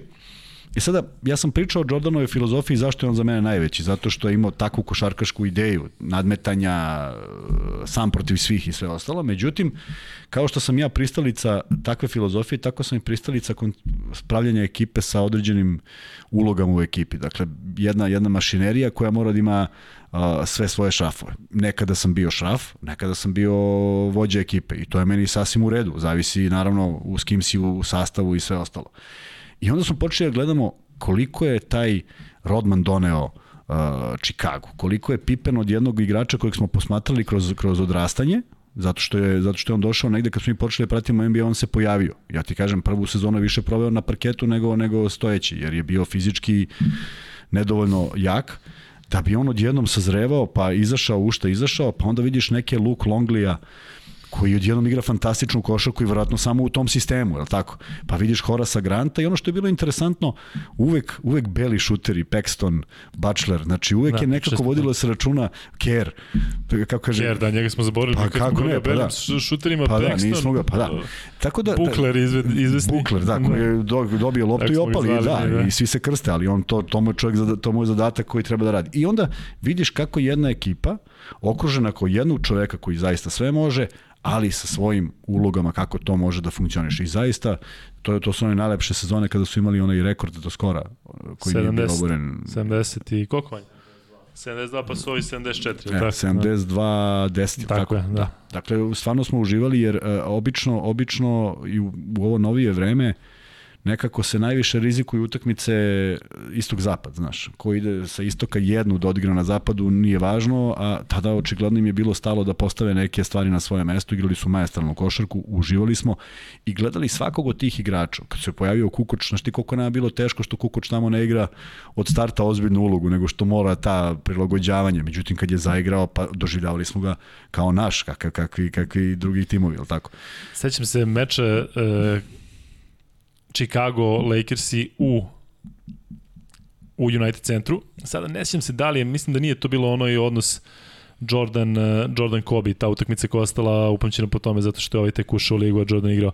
Međutim, dobro se sećam da sam ustao i da sam gledao meč u kojem Kukoč sam igra protiv Lakersa, dakle sklanjaju se i Jordan i Pippen, on je nešto vezao pet trojke, dao bez koske i kažem ti, Jordan i Pippen se sklanjaju, i Kukoč igra 1 na 1, zato što je bio ritmu. Zamisli ti u tom, Da, u toj odnosu ti, snaga, to, tako kažem je. ti, toga se sećam kao danas i oni su dobili taj meč, Kukoč je dao neke trojke, tako da kažem ti, um, Toni Kukoč, mogli bi, mislim, pričali smo i ti, pravit ćemo neke emisije o tim legendama, um, mislim da zaslužuje Kukoč da se priča posebno o njemu. Vidi, posljednji igrač Imamo- koji je napustio Beograd, je li tako? Da. Pred rat, je isprćen sa takvim ovacijama, Jeste, Jugoplastika jeste. je pobedila Partizan i cela sala je ustala da, da, da aplaudira, on se toga prisetio u jednom intervjuu, to je zaista izgledalo fantastično i e, to je to je čovek koji ničim nije ukaljao svoj odnos prema Izvini, a sećaš se i povratka kod Saleta Đorđevića? Naravno, pa i na- oni rađa kad su ušli. Tako Tako je.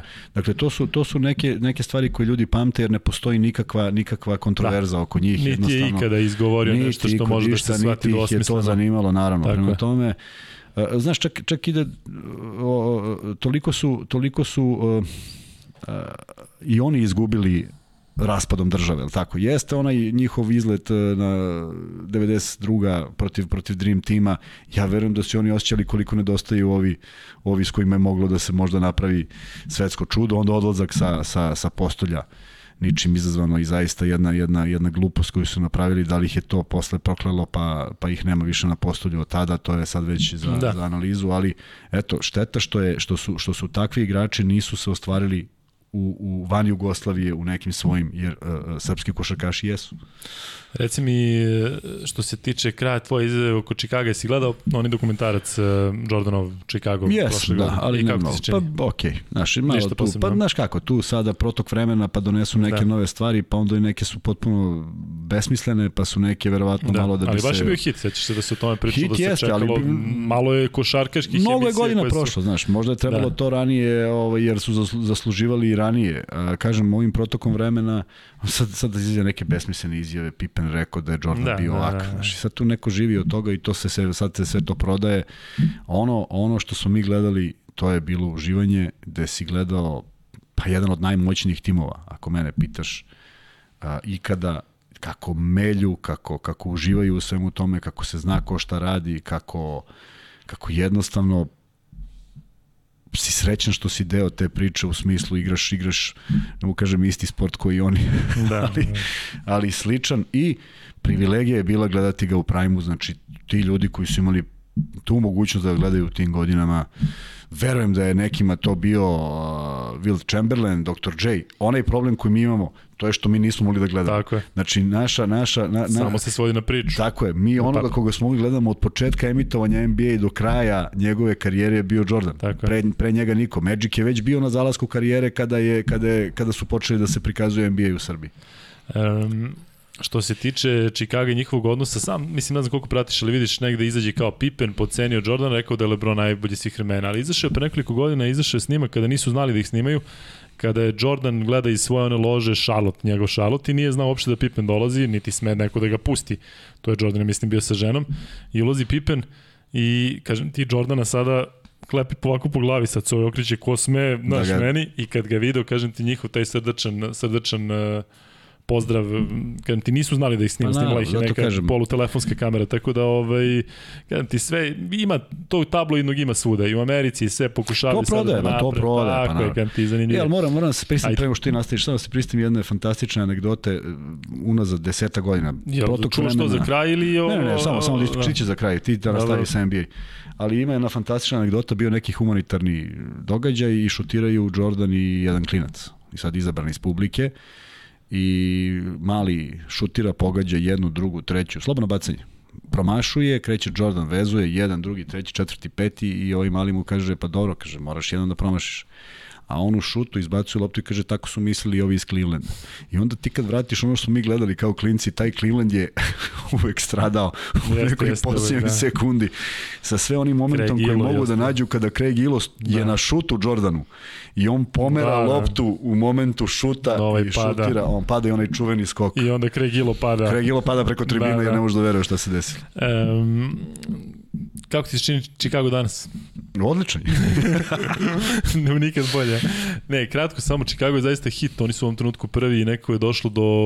Um, dobro je da je došlo do tog balansa između istoka i zapada sa Chicagom, sa Njurkom, ovakvim kakav jeste sa tim novim Brooklynom, nekako valja li ti se čini da je istok zanimljiviji i mnogo za praćenje nego onih prethodnih godina kada je stvarno bilo mučno, kada je pa da, kvalitet je potpuno bio Na e, strani zapada, da. na zapada. Sada kažem ti, evo kad pogledaš odnos pobjeda na istoku, znaš, ti se recimo na istoku uh, sa tim odnosom pobjeda i poraza na zapadu bi bio, ovde si osmi, ovamo bio četvrti, primjer radi. Ali ovo što radi Demar DeRozan e, zaista je za svaku pohvalu, ta dva, dva njegova šuta, to je hit ove sezone, pobedio je sam Indijanu šutem nekim neviđenim sednog koraka, pa onda pogodio iz ćoška dvojku, trojku preko dvojce i kažem ti, ja se sećam sada 2014. kada je Srbija igrala protiv, e, išla je na svetsko prvenstvo u Španiju i tada je došla um, ekipa Sjedinjenih američkih država, gde su svi ovde govorili kao, jao, vidi kakav im je tim, DeRozan, ne znam, Cousins, Irving, Harden, koji u tom trenutku možda nisu bili ovo što su bili kasnije, Steph Curry, ali DeMar DeRozan je jedan momak, e, ti sad vjerojatno to ne znaš, iz, iz potpunog geta, neko koji je u, u bande, ajde da ne ulazimo sad u analizu, ali bande su stale iza njega da ga niko ne dira kada trenira, zato što on baš iz tog kraja gde je bilo ili si u bandi ili si na košarkaškom terenu. Kada ti ima jednu jako interesantnu priču i žao mi je što se tako desilo da je u Torontu ispalo da je on bio krivac za Toronto, pa kad je došao Leonard uzeli su titulu, ali generalno, kažem ti, drago mi je da taj momak, da taj momak radi dobre stvari, bavi se baš humanitarnim radom i kažem ti, ja u Chicago uživam, nadam se da će New York da se digne, to su ipak franšize koje su toliko, toliko popularne da, da da je lepo videti ih kako napreduju. Kažem ti tamo i Vučević koji je opet vezan za ovaj prostor, koji igra jako dobro, koji je jedan od, od korisnih centara u NBA ligi. Elem, što se tiče NBA lige, toliko ćemo, toliko ćemo za sada. Hoćemo da pređemo na, na hoćeš da pređemo na anegdote ili hoćeš i to pa pričaš šta god? Jes, jes, spremio sam. Majčik, ti, ti, da ispucaš, ti ispucaš ovako.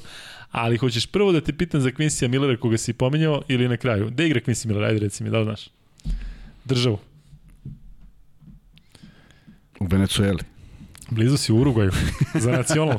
A da li znaš da je bio pre? Uh, u Venecueli. Nije. Bio je u Portugalu, a pre toga u Aziji, u kojoj državi? Južnoj Koreji. Ne. Severnoj Koreji, da nije u Severnoj. pa igrao je na Tajvanu. Ne bi me čudilo da je bio u Severnoj Koreji. Na Tajvanu, dakle on je posle Zvezde probao u Makabiju, pa dobro, bila je stvarno povreda, pa brose kratko i kažem ti onda Tajvan, Portugal, Urugvaj i vidjet ćemo, možda ga sledeći put vidimo u onoj našoj ligi, onoj Company League. Elem, uh, Anegdota? Ti ili ja? Ajde, ja ću anegdota. Ajde. Sad, sad sam se setio. Kad smo pričali Ajde. Juba Winston Ligi. Imali smo ozbiljne turbulencije u Beočinu, koji se kasnije ugasio i to je ta sezona koja je zaista bila za zaborav, za sve, osim za, za igru koju smo mi pružali na terenu.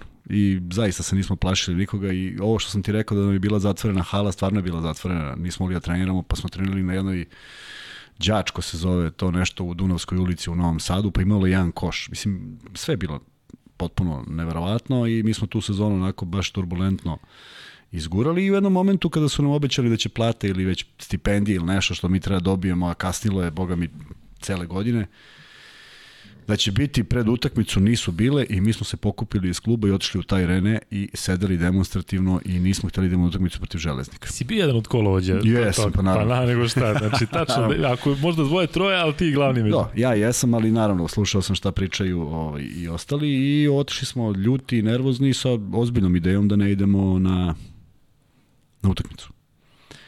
Dolazio je čovek iz uprave, pokušao da uđe u kafić, nismo mu dali, rekli smo mu ako uđe da će da strada i stvarno je to bilo vrlo neprijatno, znaš. Uh, sedeli smo, nismo naručili ništa alkohola, naravno, nekako, nekako smo želi da izbacimo taj bes i nekako da pronađemo u stvari način kako ćemo da odigramo tu utakmicu, jer, jer jedino da smo se osjećali dobro to je na terenu. I u nekom momentu, e sad, da li sam ja, zaista, znam da jesam bio neko od ljudi koji je to predložio, koliko nas je bilo, ne znam, konstatujemo da hoćemo da odemo, ali u našoj režiji. I idemo svako svojim kolima. Sad ne bi baš išlo 12 kola, podelili smo se po kolima i krenuli za železnika. Utakmicu se trebalo već uveliko da počne i mi smo uleteli, na primjer, na 40 minuta od početka utakmice. I jurimo se sad gde, ko, šta, kako, ovi pitaju pa ste stigli, stigli, svi smo stigli, stvarno svi stigli. Čekali vas ovi uredno? Pa morali, takve su pravila bila, moraš određeno vreme da čekaš. Da. Pritom ne znam i da li mi je neko javio, da li su mi uopšte krenuli, ne znam čime bi mogo da javim. Ja, zato ti kažem. Da. da. Međutim, čekamo Ernesta Rađena, pomoćnog trenera, u stvari, možda je u tom trenutku, ne mogu setiti da li on bio prvi, stvarno ne znam, ili je Triđa bio prvi, Trivan Zoran. U svakom slučaju, kod njega su licence i dresovi. I on utrčava potpuno mokar, 15 minuta kasnije kaže, ajme, on je iz Zadra ajme, kaže, stao mi auto u staroj pazovi na nadvožnjaku. Pa šta si uradio? Pa kaže, samo sam uzao licence. Mi kucamo na vrata železnika i kažemo, izvinite, imate možda dresove drugu garnituru? Ljudi zaista misle da se šalimo. Dobijamo drugu garnituru i igramo ne egal utakmicu, nego vodimo. I neću zaboraviti uh, Vlada Zarić, moj saigrač, kreće na ulaz, jedan strašan ulaz, desnom rukom je bio levak, tiže iznad svih i čuješ ovako, Znaš, bar dva, tri udarca, on promaši, kontra, bam, bam i železnik pobedi pola koša ili koš. I sedimo u slačionici onako tužni što smo izgubili i ulazi čovjek, ne mogu da setim ko je bio zaista i kaže, pa jel stvarno mislite da vam damo dresove i još da nas pobedite? Uh, znaš, onaj osjećaj kad si uradio apsolutno sve, Uh, nikad nismo krivili nekoga ili mislili da neko bio protiv nas. Stvarno je cela utakmica bila naopaka, ali hoću kažem koji smo stav imali. Nismo došli da je odradimo, došli smo zaista da da odradimo, da uradimo nešto, bili na korak od pobede, izgubili, odigrali smo celu tu sezonu u neverovatnom ritmu, sa neverovatnim utakmicama, mnogo puta oštećeni, jer nismo imali nikoga iza sebe, jer su svi znali da se taj klub gasi. I strašno mi je ostalo žao, to je taj podatak postoji, što nismo prošli budućnost, u četvrtfinalu. Bili smo, pobedili smo i 24 razlike u Novom Sadu. Tad se igralo prvo kod slabije plasiranog što je da, bilo paradoks da, da, sam da. po sebi, pa smo dve utakmice izgubili kako, potpuno nevažno. ne znam da li taj sistem ikada negde... Objašnjen, da. O, pobedili smo 1-0, smo vodili, otišli smo na dve, ne bih nikada pričao o tim utakmicama negde javno, ali kad se mi setimo, prosto neverovatno je šta se dešavalo. A te sezone smo mi Partizan dobili dva puta, po pola koša. I Partizan je bio u ozbiljnom problemu da ako mi prođemo, da smo stvarno, može svašta da se da. desi. Pogledaj podatak, savladali su budućnost 50 razlike u polufinalnoj utakmici. I onda ti onako još, još malo teže ti padne jer znaš šta bi uradio da si otišao da. korak dalje. To je moja anegdota. Kad se okupljate na Zlataru? A, mislim dok, do, od 15. pa nadalje, da će da. biti neki moment. Hoće biti i onda prenećeš nam sve anegdote sa tog. Sve. Da, I pravo ti kažem da čekam. live neki I to stream. ćemo da napravimo. Ali ovaj, stvarno mislim da će biti lepo vidjeti sve te da. ljude. Ovaj, i da se podsjetimo tih vremena. Tako da znate, ako bude nekih otkazivanja podcasta, uzme na Zlataru ili ako bude nekog tumbanja, pa on prebaci na mene. Elem, ja sam poromenio anegdotu u uh, emisiji zato što si ti pominjao Mileniju. E, ovo što sam spremio, to ćemo sledeći put, ali 2010. godine Iverson potpiše za Bešiktaš i u grupi je sa Hemofarmom. I sad vršac je naravno blizu i nas nekoliko u kola idemo za vršac da, da gledamo Iverson. Najgori dan ikada. Znači, apokalipsa, ne mogu da ti objasnim. To je sneg koji pada od ozdo. Znači, ludilo, ne znam kako smo stigli do tamo. I dolazimo sada i parkiramo ovako, vidiš, parking mesto na, na stazi. Kažem ti, sneg je napadao, ne možeš da veruješ kako. Mi odlučili da, da gledamo Iversona. Sveća se, bilo nas je dva automobila, možda se bilo šestora, sedmora. E, Što niste jedni? Pa kažem ti, bilo bi zanimljivije.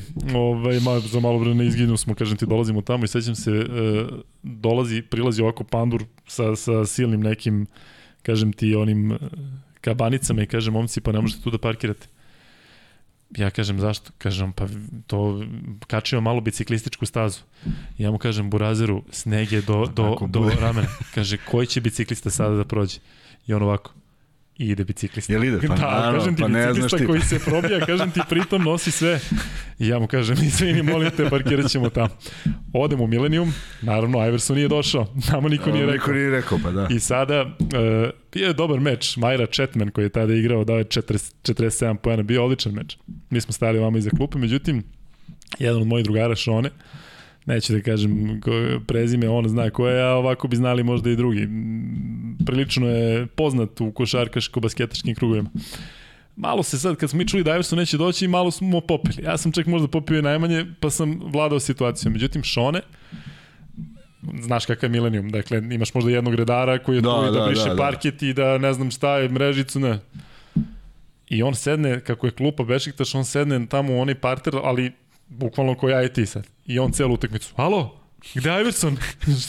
I sad kažem ti ovim ljudima neprijatno što sede na klupi, kažem ti, znaš, ali sve jedno sad... Samo da se on čuje. Kažem ti to, a pazi, u Milenijumu, kažem ti, znaš kako, mi Bobi Marjanović igra, bilo je okej, okay, kažem ti, celu utakmicu, kažem ti, kao ne kaže, alo, alo, sad ovaj šesti igrač na klupi, razumeš, dečko od 17-18 godina sedi. Okrene se. Alo, alo, pa gde je Iverson, kaže, kaže, dali smo pare, razumeš. Tako da, eto, ja sam promenio u, u, u hodu ovaj, i drago mi je da imamo, ja volim da slušam, da slušam tvoje, kažem ti, posebno iz tog perioda Juba Lige, rekli smo da ćemo praviti neku... Mogu da, imaćemo možda... goste, imaćemo goste. Ja, ovaj, misliš da napravimo ćemo... sa gostom nekim iz tog perioda? Mislim da napravimo sa svakim gostom iz tog perioda i da bude baš, Dobro. baš o tome priča, znaš. Jer ima mnogo ovaj, tih diskretnih heroja koji su tada igrali, pokušat ću nađem Grošanovića da bude neko ko bi otvorio ovaj, celu priču. Ne pokušat ću, mogu, nije to neki naročit problem, samo da im da ga, da ga, da ga namamimo da dođe. Da nije u sezoni on, svinjokolja. Zato što da, da, ima on svoje tamo, da, da, tako je. Zato što je on zaista neko ko je bio personifikacija te lige u smislu Jest. jednostavnosti, u smislu košarkaškog znanja, u smislu činjenice da je radio još hiljadu poslova, igra još četvrti sporta da. u, u to vreme. I ovaj, vrlo bi bilo lepo da krenemo od njega, ali kažem, veliki broj igrača iz tog perioda a, postoji, eto, uh, Deo Radonjić je jedan, Bole Bošković, uh, Goran Bošković, njegov asistent je drugi, imamo uh, trenera Partizana, bivšeg trenera Partizana Čanka, imamo Đokića, imamo da. Mihajla Šušića. Znaš ti koliko tu ima zaista igrača koji su bili ozbiljni igrači svojih timova sa kojima nikada nije moglo da se računa da ćeš ti doći i da uh, ostvariš pobedu. To je bilo, kažem ti, baš u našem uh, stilu i u našem maniru da dovedemo Dejana Radonjića ili Nenada Čanka ili Gorana Boškovića i da reč ne progovorimo o Zvezdi. Možda samo usput. Samo pa, naravno, ali samo ih treba nahvatiti. Ne, kažem ti, bilo bi, ovaj, mislim da bi se to dopalo onima koji nas prati. Reću ti za kraj jednu stvar, dakle, drugar mi je rekao svakam čast kako imate, koliko vas ljudi gleda, sam, sam dobijaš pohvale, kažem ti meni i na sport klubu, kažem ti kolege koje prate, koje su iz košake ili generalno kolege koji su komentatori ili novinari, kažem ti dobijemo dosta pohvala. E, jedan mi je drugar rekao, kaže svakam čast koliko vi već sada imate ljudi koji vas prate i gledaju, zato i onda mi je poslao, kaže vidi ovo, u Americi ima dosta podcastera, znaš ti Vanja, imaš ovaj NBA, bi, gotovo da nema bivši NBA igrač koji nema podcast.